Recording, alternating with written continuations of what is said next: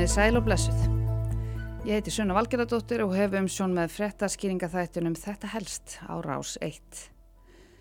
Náttúruvísindamenn hafa uppgötvað og skráð meira en þúsund tegundir af því sem þáttur dagsins fjallar um. Þetta eru lítil kveikindi, þar sem þáttur dagsins fjallar um, ekki vísindamennir. Þau eru pínulítil en ást okkar til þeirra er þó ennþá minni. Samt gerir mikill meiri hluti þessara þúsund tegunda manneskum bara ekki neitt. En þær fáu sem gera það þó bæta upp fyrir skadalesi hinna. Við vitum ekki hvenar þau komu fyrst til landsins en árið 2015 þegar vísindamenn voru búin að skrá hér sex tegundir, allar meinlausar, gerði svo sjönda vart við sig. Og það er eiginlega ekki hægt af flíjana. Þessi skorti finn alltaf ráð til að komast að þér einhver staðar sko. þau eru þannig. Þetta eru lúmsk lítil kvikindi og það þýðir lítið að eldast við jarðar eða sumarbústaðakaup á þeim svæðum þar sem þessi litla vera hefur enn ekki drepið niður fótum. Því hún er að dreifa sér um allt land og hún er að gera það hratt. Fólk þarf að breyta í raun og verið hegðun sinni bara aðurlega sig að þessum aðstæðum. Við þurfum bara að breyta hegðun okkar ef við viljum sleppa við byttin. Kvöldmatur utandira í lokni og kvöldsól er kannski ekki lengur þess. Það er ekki búið að skemmtilegt en er þetta ekki bara eitthvað af því sem við þurfum að lifa með og læra á? Hvað getur fólk gert í varúðarskýri þegar lúsmið fer á stjá? Ég, ég segi stundum að það þurfur að vera svolítið blandaðar hernaður. Ég gerði smávegis lúsmís samantækt fyrir þátt dagsins en það eru núna bara örfáir staðir eftir á landinu þar sem þessi vargur verðist ekki vera búin að gera sig heimakomin. Það var bara árás í orðsifyrstumerkingu eins og hann gerist best af flugur. Maður var bara tattúraður allstar þar sem maður sást í berskinn. Hvað heldur þetta séu mörg bit? Ég, ég, ég heldur hljóta að skipta hundruðum sko, þú, þú sérð hérna náttúrulega alveg enda löst sko, þetta er bara að fara að hjaðna svo mikið að núna sem betur fer, en já, ég heldur skipti hundruðum. Það var bara veisla hjá þeim? Já, það var sko, það var bara gúrmið sko.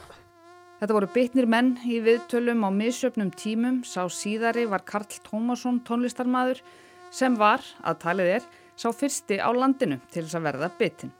Og það var í kjósinni og árið var 2015. Síðan eru liðin átta ár. Lúsmíð komið á stjá er fyrirsögn fréttar Amöndu Guðrunar Bjarnadóttur síðan 17. júni á þjóðatíðadaginn. Og kannski verður lúsmíð bara orðið þjóðar dýrið okkar innan tíðar. Lúsmíð setur í kjósinni The Icelandic Biting Midges Settlement. Þar sem ferðamenn geta séð minnstu og mest pyrrandi íbúa landsins. Hér fáið þið ókipis hugmynd úr þetta helst. En yfir til þín, Amanda. Sérfræðingar segja ekkert benda til þess að stopnar lúsmísins fari mingandi, þvert á móti séu þeir í vexti og útbreðslan stöðugt að aukast. Nú megi finna lúsmí nánast um allt land. Og umræðan á Facebook-hópnum Lúsmí á Íslandi er komin á fullt. Þar greinir fólk ímist frá því að hafa verið bitið eða forvitnast um hvar á landinu það er færið að gera vart við sig. Það er mjög gott að vera með net í gluggum, passa að hafa nógu fínt vegna þess að lúsmíð er mjög smátt, smíður nánast í gegnum hvað sem er. Margir láta úða líka, þú ert alltaf að fækka allavega einstaklingunum með því. Og svo eru flugnabannar, þá límflugnabannar inn í húsinu og svo eru til hátíðnufælir sem hafa reynst mjög vel. Flugurnar halda sig á grónum, skjólgóðum stöðum og margir hafa þurft að gera ráðstafanir vegna þess. Við höfum orðið svar upp í sumbústað og þá höfum við bara sett sko, net fyrir gluggana þar en við höfum líka lendið í að það, þegar komast inn þá sleppum við bara að fara upp í sumbústað í sumarið sem er kannski ekki alveg það sem maður vil. En þau bara passa á því að slæma reynsla því að við erum átt með glugga á nótunni. Nokkrir dagar geta liðið áður en bitin koma fram, en þeim geta fyllt mikil ónót og kláði. Á kvöldin leitar lúsmíið inn og ræðst á grunlaust fólk á meðan það sefur. Þarna heyrðum við í Hólmfríði Dagníu Friðjónsdóttur fréttamanni og nokkrum þólendum lúsmís í byrjun júni 2019. Þarna var lúsmíið heldur fyrr á ferðinni en alla jafna eða fyrr á ferðinni heldur en síðustu sumur þar á undan skulum við segja. Nú er þetta orðin nokkuð eðlilegur partur af okkar tilveru, hvort sem okkur líkar betur eða verð. Íslendingar eru sérstaklega næmir fyrir biti flugna og borð við lúsmíð, moskítoflugur og þessartar, sagði Sigur Björg Þorstensdóttir.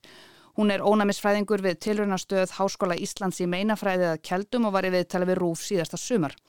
Trúlega sé það vegna þess að þegar við erum að alast upp hér á landi komumstu ekkert að ráði í tæri við bitflugur af þessu tægi. Þess vegna sínum við svo mikil viðbröð þegar að því kemur að við erum bitin. Þetta þekkja íslenskir námsmenn erlendis sem lenda oft sérstaklega illa í því, sagði Sigurbjörg. Og þó að sum okkar verðast hafa mynda eitthvað þól gegn kláðanum á það sannarlega ekki við um okkur öll og sum hafa tekið mjög drastískar ákvarðanir til þess að losna við flugurnar eins og kom fram í umfjöllun Hafdísar Helgu Helgadóttur í speklinum á Rás 1 þann 23. júni. Agnar lítil blóðsuga hefur á örfáum árum náða að setja marksitt á líf fjölmarkra Íslandinga yfir sumarmániðina. Hlínandi loftslag virðist hafa hjálpað til við að lokka lúsmíið frægasta skortýr landsins hingað á svo stuttum tíma. Gísli Már Gíslason er prófessor emeritus í lífræði við Háskóla Íslands. Hún er þekkt frá Míða-Európu og Norður-Európu og Östur í Rúsland, mjög algeng til dæmis að breyta sig og er ángra fólk þar. Að minnstakosti þúsund tegundir lúsmís eru þekktar en fram til ásins 2015 höfðu aðeins sex þeirra verið greindar hér á landi. Þær tegundir lögðust ekki á fólk. Svo mætti sjöunda tegundin til leiks og það með látum. Bitvarkurinn gerði fyrst vart við sig í kjósinni og Svínadal norðan megin kvalfjörðar en samkvæmt náttúrufræði stofnun Íslands fóru ábendingar fljótlega að berast víðar af suðvestur landi. Íbúar Mósfellsbæjar, Gravarvoks og Hafnafjörðar fóru hver af öðrum að vakna útbytnir og sama má segja um íbúa í Leirársveit, Melasveit, Skorradal í Borgafjörðasíslu og fleiri stöðum. Nú er lúsmið að finna í flestum landshlutum. Það má segja að það sé svona álálendi en samt ekki við sjáarsíðuna á Suðurlandi, Vesturlandi og Norðurlandi alveg til eigafjörðar og svo snæfisnesi. Það frekar í uppsveitum en við erum lítið nærum um lífsferil og, og hvar lirfan elst upp vegna þess að það er engi sem er að stunda rannsóknir á lúsmi. Þrátt fyrir einstakann áhuga íslensku þjóðarinnar á þessu agnarsmáa óargardýri virðast skortýrafræðingar hér á landi ekki deila þeim áhuga. Að minnstakosti ekki enn. Gísli segir að tegundin hafi heldur ekki verið mikið rannsökuð í öðrum löndum. Því sé mörgum spurningum ósvarað um fluguna. Hins vegar, saði Gísli þarna í speklinum, er ekki vita hversu lengi lirfan er að þroskast en miða við að flugtímin er þrýr mánuðir, flugtími verandi tímin sem flugurnar eru upp á sitt besta að býta mann og annan, þetta er frá júni og fram í ágúst, júni, júli, ágúst, þá geti það bent til þess að það væru tveir og jáfnvel þrýr lífsferðlar á hverju ári. Flugtímin og cirka bátvarpstæðinir eru í raun það eina sem vísindamenn vita um lúsmíð Og jú, að það eru bara fullortnu flugurnar ekki börnin sem býta, en þær býta líka börn. Og hvenn lúsmíð þarf á spendýrablóði að halda til þess að ekkin geti þroskast og þær geti verft til þess að búa til enn fleiri litlar lúsmísflugur. Gísli segir að flugan sé nokkuð lífseg og fyrst hún hafi náðað nema land hér sé hún komin til að vera. Hún hefur ekki enn gert vart við sig á vestfjörðum eða austfjörðum. Hann segir þó líklegast aðeins tímaspjörsmál hvenar örsmái bitvarkurinn finnist þar. Sko hún er mjög algeng frá Eyjafjöldum vesturum Bjöðurland á Vesturlandi og svo á Norðurlandi vestra að Eyjafjörði og Snæfisnesi. En svo er til til dæmis tilfelli frá Hortnamferði þar að menn fengi bit Þannig að hún er að dreifa sér og það er bæði getur hún fókið til, það er lítið kvíkindi um 1,5 mm og bers með vindum en einnig þá er hún að berast sennilega með hjólísum og húsbílum og, og svona meðan fólk er að ferðast á sömurinn og þetta er bara inn í þessum hjólísum og svona og berst þannig til nýra sæða. Meira en helmingur allra sumarhúsa á Íslandi er á Suðurlandi og þar er lúsmíð hvað algengast. Dæmi er um að fólk hafi selt sumarbústæði sína vegna óværunar. Gísli segist ekki mæla með því að fólk eldist við lúsmí laus landsvæði til þess að forðast bytt en það stækki útbreyslu svæði þess óðum. Þeir bústæði það sem er mest að lúsmíði, það er það sem er skjólsælast. Því að þessar flugur er svo litla, það get ekki flóið nema í lokni og það sem er mikill gróður í kringu sumabústæðana þá er miklu meira lokn og fólki líður almennt betur þó að það geti verið svona lúsmi sig fylgir Það, en síðan sagt, eru þetta, verður fólk fyrst og fremst bitið á nóttinni. Þó að sé bitið á daginn líka, það má ekki gleyma því að það situr út í sólinu og það er alveg lokna, það getur verið bitið. Það sækir inn í húsin og býtur innan þeirra. Mónika Hjalmtísdóttir, varaformaður félags fasteignasala, segir áhrif lúsmís á sölu og kaup á sumarhúsum landsmanna vera nokkuð takmörkuð. Við heyrum auðvitað þessa umræðu eins og aðrir en við hefum ekki fundið fyrir því að það sé ykkur flótti eða, eða mingun á sölu. En auðvitað spyr fólk, það spyr hvernig, svona, hvernig aðstæður eru á þeim stöðum þess að það sem er að skoða sumarhús. Þannig að það vil auðvitað vita og fólk er náttúrulega að kynna sér þessi mál. Lúsmíð verðist í stórum dráttum sækja í sömu aðstæður og viðgerum á sumrin. Logn og hlýju innan um hávaksinn gróður og það er ekki verra ef vatn er í grændinni. Sumarbústæðir við svæði sem uppfylla þau skilirði hafa hingað til verið mjög eftirsóttir. Má búast við því að það breytist?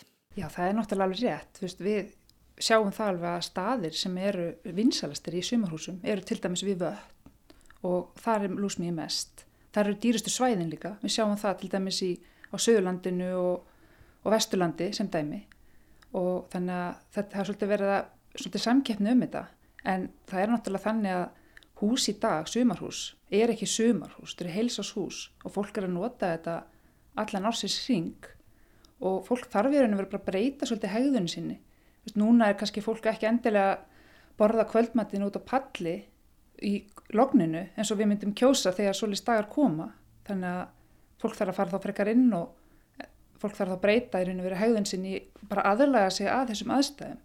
Þannig að við erum ekki að sjá fólk sé að með eitthvað flótta þannig að fólk er nú bara, við erum bara að læra að lifa með þessu. Þannig að ykkar tilfinningar ekki svo að fólk sé bóstalega að gefast upp á sumarhúsum vegna þessa? Alls ekki, alls ekki og, þetta er bara, þessi margar erinu eru bara nokkuð svona, bara jafn og þjættur, það er bara búið að vera eftirspurn eftir þessu svona jafn og þjættur, náttúrulega ekki sama sem í lætinu hafa verið á íbúðarhúsnaðum en, en við erum bara, sjáum bara þennan markaðurinn verið að vaksa og dafna áfram.